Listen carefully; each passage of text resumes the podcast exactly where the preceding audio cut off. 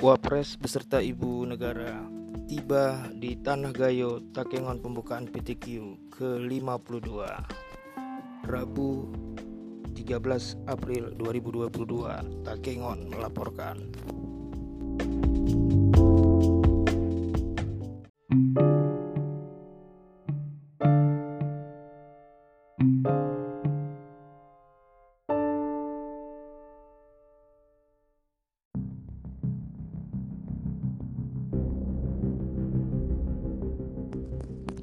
Banda Aceh Catur Prasetya News Kepala Kepolisian Daerah Aceh Inspektur Jenderal Polisi Dr. Andes Ahmad Aidar menjemput dan menyambut kedatangan Wakil Presiden Republik Indonesia Ma'ruf Amin beserta Ibu Wuri Estu Handayani di Bandara Iskandar Muda Blang Bintang Aceh Besar Rabu 13 April 2022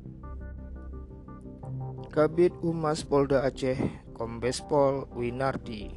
Dalam kesempatan itu menyampaikan kedatangan Wakil Presiden Republik Indonesia adalah untuk membuka Pekan Tilawatil Quran atau PTQ ke-52 di lapangan Sedda, Kabupaten Aceh Tengah.